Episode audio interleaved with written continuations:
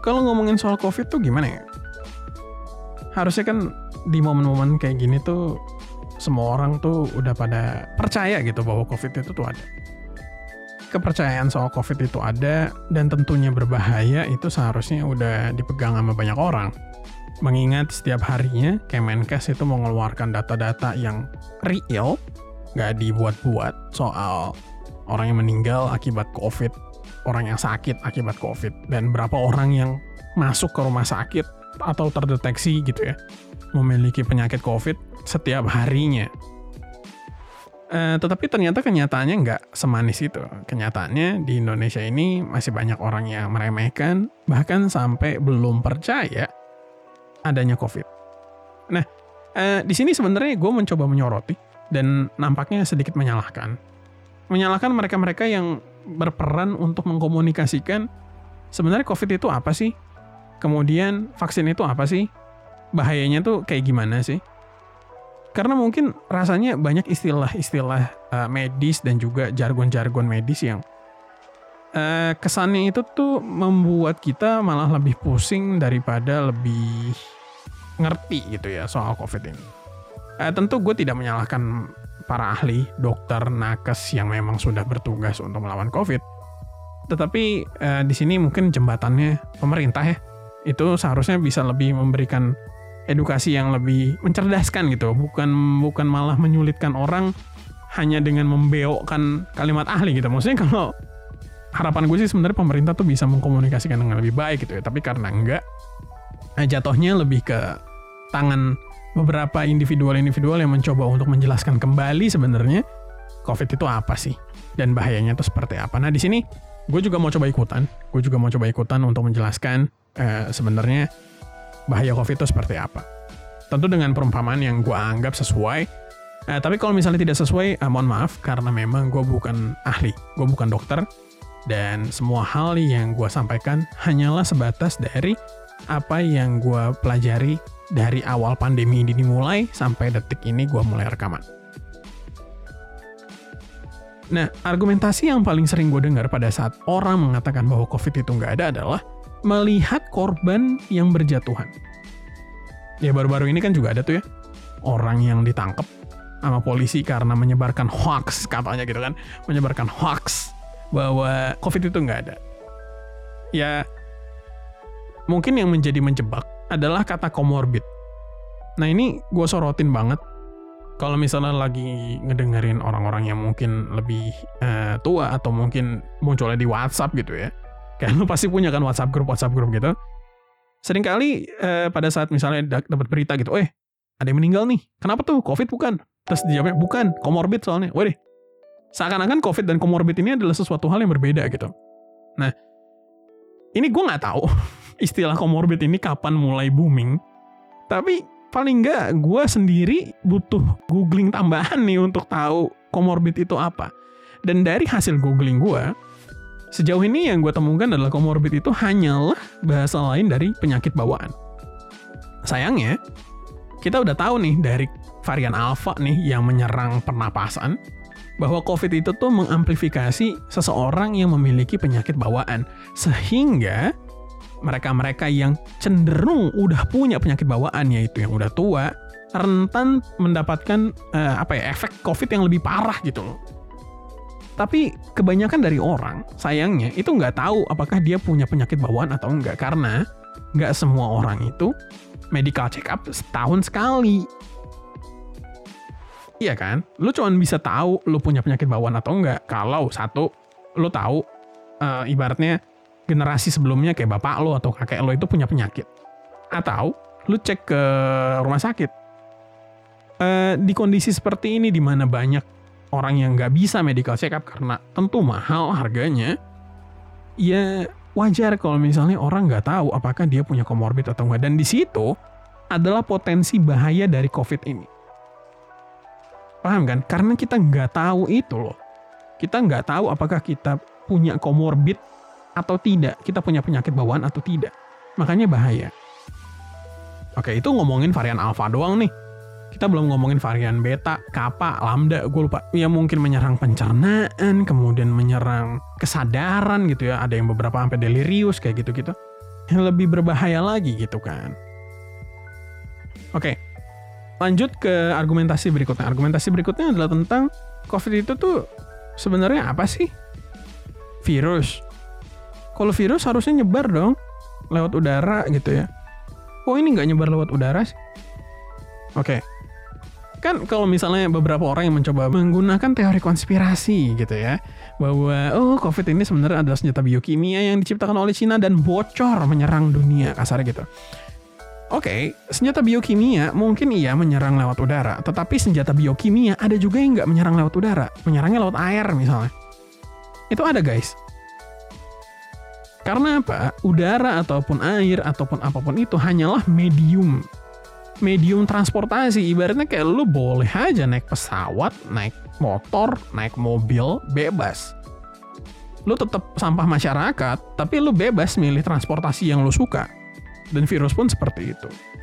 Virus ini punya tendensinya untuk mengikatkan dirinya kepada apa. Dan uh, sejauh dari yang gue tahu uh, ini nempelnya ke droplet ya entah itu keringet entah itu uh, liur gue nggak paham Artinya dia butuh nempel di sesuatu hal gitu yang mana makanya kita disuruh pakai masker itu supaya uh, orang kalau ngomong nggak muncrat. Kalaupun muncrat, muntratannya nggak langsung ketelan gitu loh. Lebih ke dropletnya sebenarnya. Dan sayangnya gini, droplet itu bukan tentang liur yang uh, iler yang ada di bantal, tapi pada saat kita ngomong itu sayangnya kita juga mengeluarkan muncratan-muncratan yang kadang nggak kelihatan sama mata gitu, tapi tetap muncrat gitu. Nah itu yang mungkin terbang ke bawah udara itu bisa juga nempel di ibaratnya kayak uh, besi segala macam itu bisa. Tapi ya ya kita nggak tahu. Namanya juga droplet kan gitu. Ya. Oke, kemudian argumentasi berikutnya. Merasa bahwa COVID ini tuh sebenarnya adalah bisa-bisaannya pemerintah gitu ya. Supaya pemerintah itu tuh nyuruh kita tuh vaksin gitu. Sementara vaksinnya itu nggak guna gitu kan karena apa? Karena ujung-ujungnya masih banyak juga yang mati gitu gara-gara divaksin. Eh sorry gue ketawa bukan karena gue meremehkan covidnya dan gue juga bukan meremehkan statement ini. Cuman eh sulit buat gue untuk tidak melihat ironi dari statement ini sendiri gitu ya eh sorry gue gak ngerasa ya seseorang yang ada di Indonesia setinggi itu sampai bisa bikin konspirasi seheboh itu. Mungkin gue terlalu meremehkan. Tetapi sorry gitu ya, enggak. Uh, dan juga kayaknya dananya ya, dananya sebelum bisa bikin virus secanggih dan mutakhir ini uh, bakal lebih abis dikorup gitu. ya walaupun gue nggak tahu siapa yang bakal ngorup, tapi iya kayaknya chance lebih ke sana gitu ya daripada jadi virus dan juga vaksin ini sehingga uh, pertanyaannya adalah kenapa vaksin ini ibaratnya orang yang divaksin gitu ya masih tetap mungkin terkena covid apalagi sampai meninggal gitu. Nah ini ibaratnya kalau di medan perang itu kayak setiap orang itu dikasih baju anti peluru gitu. Asumsikan covid ini tuh kayak racun yang ditempel di peluru, kemudian yang dikasih ke kita itu adalah rompi anti peluru.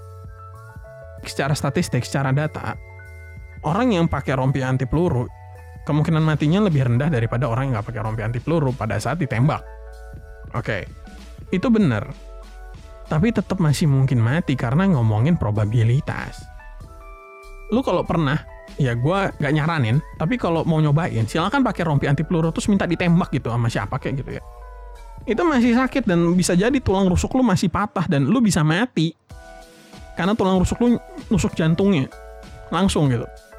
Nah, yang dikejar kan sebenarnya dari vaksin ini adalah herd immunity, artinya imunitas uh, massal gitu ya, jamak nggak cuma satu dua orang. Dan uh, memang vaksin ini ibaratnya punya manfaatnya lah kalau berbicara satu dua orang gitu ya. Kalau misalnya lo divaksin, maksudnya kemungkinan lo mati itu menurun gitu.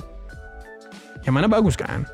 Tetapi sebenarnya ujung-ujungnya yang dikejar adalah banyak orang yang udah divaksin gitu. Karena di saat seperti itulah uh, kehidupan bisa kembali normal. Ya dalam artian tanda kutip nih, maksudnya pola hidup yang kita inginkan ini tuh bisa kembali lagi berjalan gitu. Karena ketakutan kita tuh menurun dari yang tadinya ini sebuah virus yang mematikan menjadi sebuah virus yang seperti influenza. Iya, bikin kita sakit, tapi masih bisa ditangani kasarnya gitu loh. Pada saat musuhnya itu peluru dan semua warganya pakai rompi anti peluru, fokusnya tentara kan jadi sedikit berkurang sebenarnya. Ya, fokusnya adalah orang-orang yang memang kenanya di kepala atau kenanya di kaki gitu kan, yang nggak kena rompi misalnya. Berkurang orang-orangnya. Karena apa? Karena pelurunya misalnya kayak shotgun gitu, dar gitu ya. Gak tahu kenapa. Tapi kan kalau badannya dirompiin, di mana kebanyakan orang kenanya di badan gitu ya, ya udah, korbannya mengurang. Gitu sih. Itu yang sebenarnya dikejar gitu ya. Apakah itu akan menyelamatkan seseorang? Iya tergantung.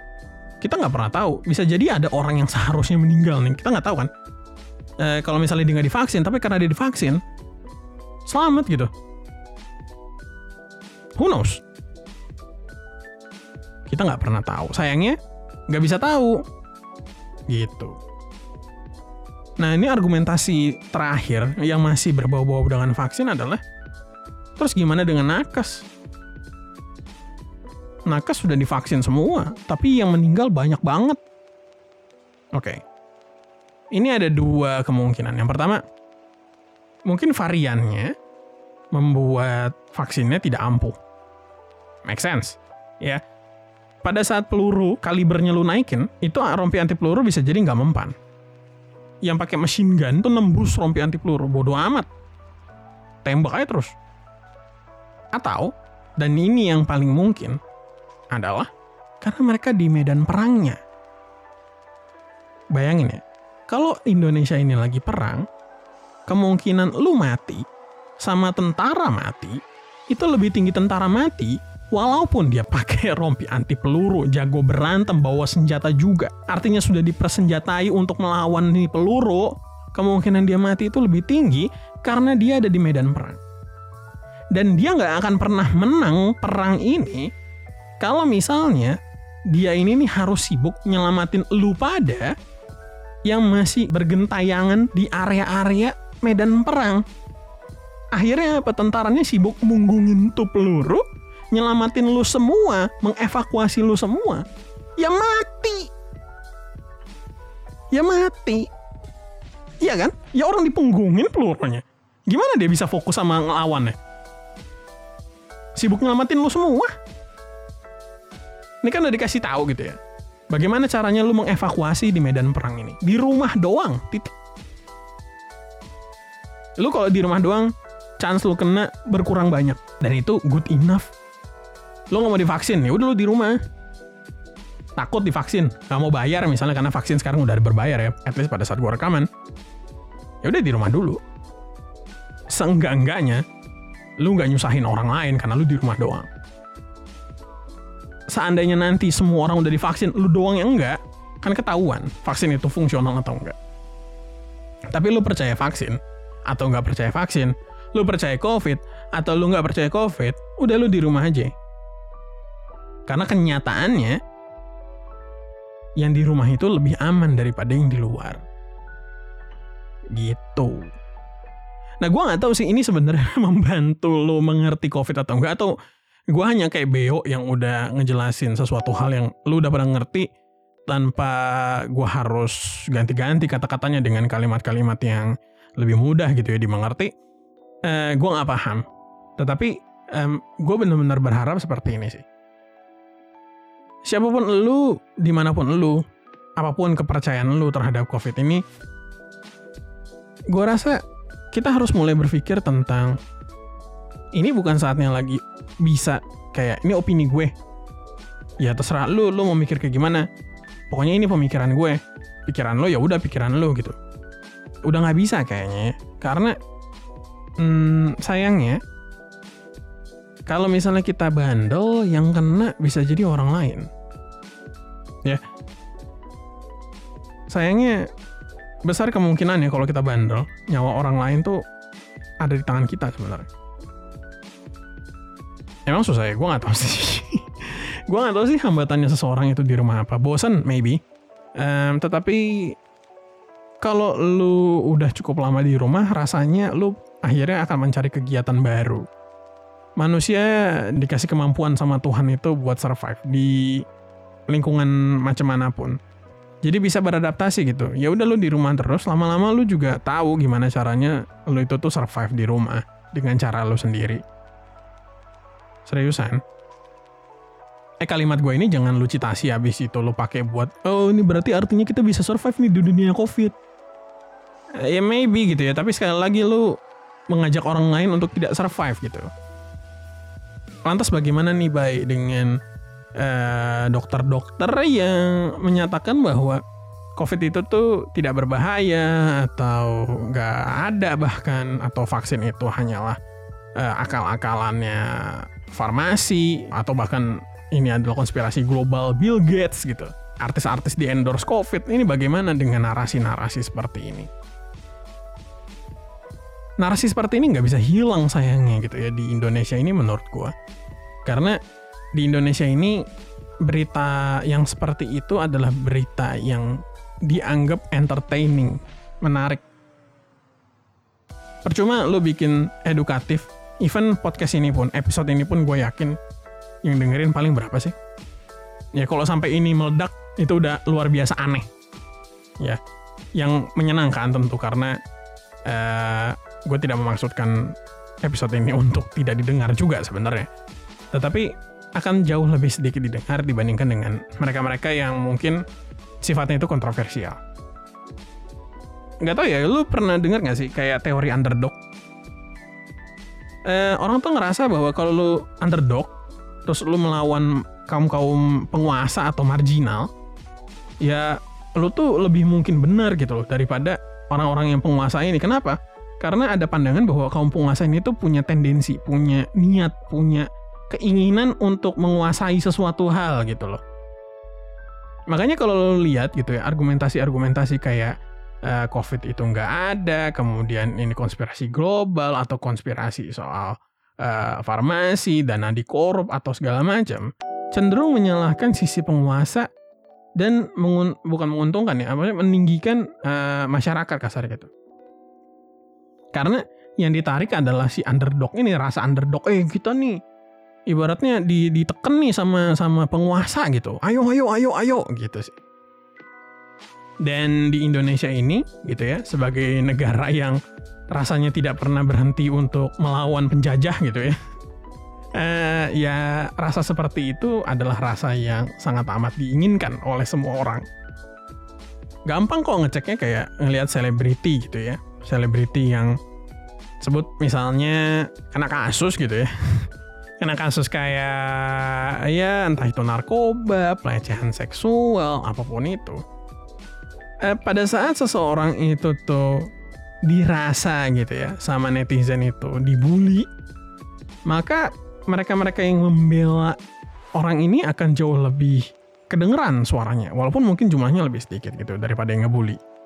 Eh, dan yang pada saat gue katakan ngebully ini bukan orang-orang yang trolling ya yang jahat terus kemudian tanpa alasan gitu terus ngata-ngatain enggak. Tapi mereka-mereka yang jatuhnya mm, melihat ini sebagai tindakan yang memang tidak pantas untuk dilakukan atau ditiru gitu. Terlepas dari keputusannya untuk menyampaikan itu di internet menurut gue uh, dua hal yang berbeda ya gitu. Tapi tidak meniru dan tidak melakukan hal yang dianggap tidak benar oleh diri sendiri adalah hal yang baik. Paling nggak buat gue saat ini Nah, eh, masalahnya gitu pada saat si eh, kaum bullying ini tuh terlihat sebagai orang yang menguasai ya udah pendukungnya akan ngerasa sebagai underdog dan bergotong royong untuk melawan kaum-kaum penguasa ini. Sebut misalnya lu suka sama si artis A, oke? Okay? Kemudian artis A ini temenan sama si artis B. Ternyata uh, artis B ini diketahui memiliki sebuah kesalahan yang akhirnya membuat dia mendapatkan uh, kecaman dari publik. Entah itu ditangkap polisi ataupun enggak, pokoknya kesalahannya dikecam lah sama publik. Dianggap tidak layak untuk dilakukan oleh si artis B. Oke. Okay. Kemudian artis A ini uh, karena dia temennya atau apa pun lah alasannya atau mungkin dia bersimpati karena pernah melakukan kesalahan yang sama who knows apa yang menjadi alasannya dia ingin nolongin si artis B ini. Paling enggak pengen si artis B ini untuk tidak dikecam sama publik segitunya dan didukung. Sehingga dia mencoba untuk menarik perhatian dari supporternya kasar gitu. Orang-orang yang suka sama si artis A, termasuk lu. Nah, bagaimana cara dia memanipulasi lu adalah dengan cara seperti ini. Gue bakal dukung si B. Kalau lu nggak suka, berarti lu juga nggak suka sama gue. Kasar gitu. Ya akhirnya apa? Akhirnya lu menjadi simpatisan si A. Ya gue nggak dukung si B sih, tapi gue suka si A. Pada saat orang mengecam si A, karena dia mendukung perilaku si B, lu termasuk orang yang belain si A lu nggak belain si B, tapi lu belain si A. Yang mana tujuan si A sudah tercapai karena A dibelain, B sebagai yang didukung A itu juga dibelain sebenarnya. Dan itu juga terjadi pada saat pembicaraan soal COVID ini. Ya.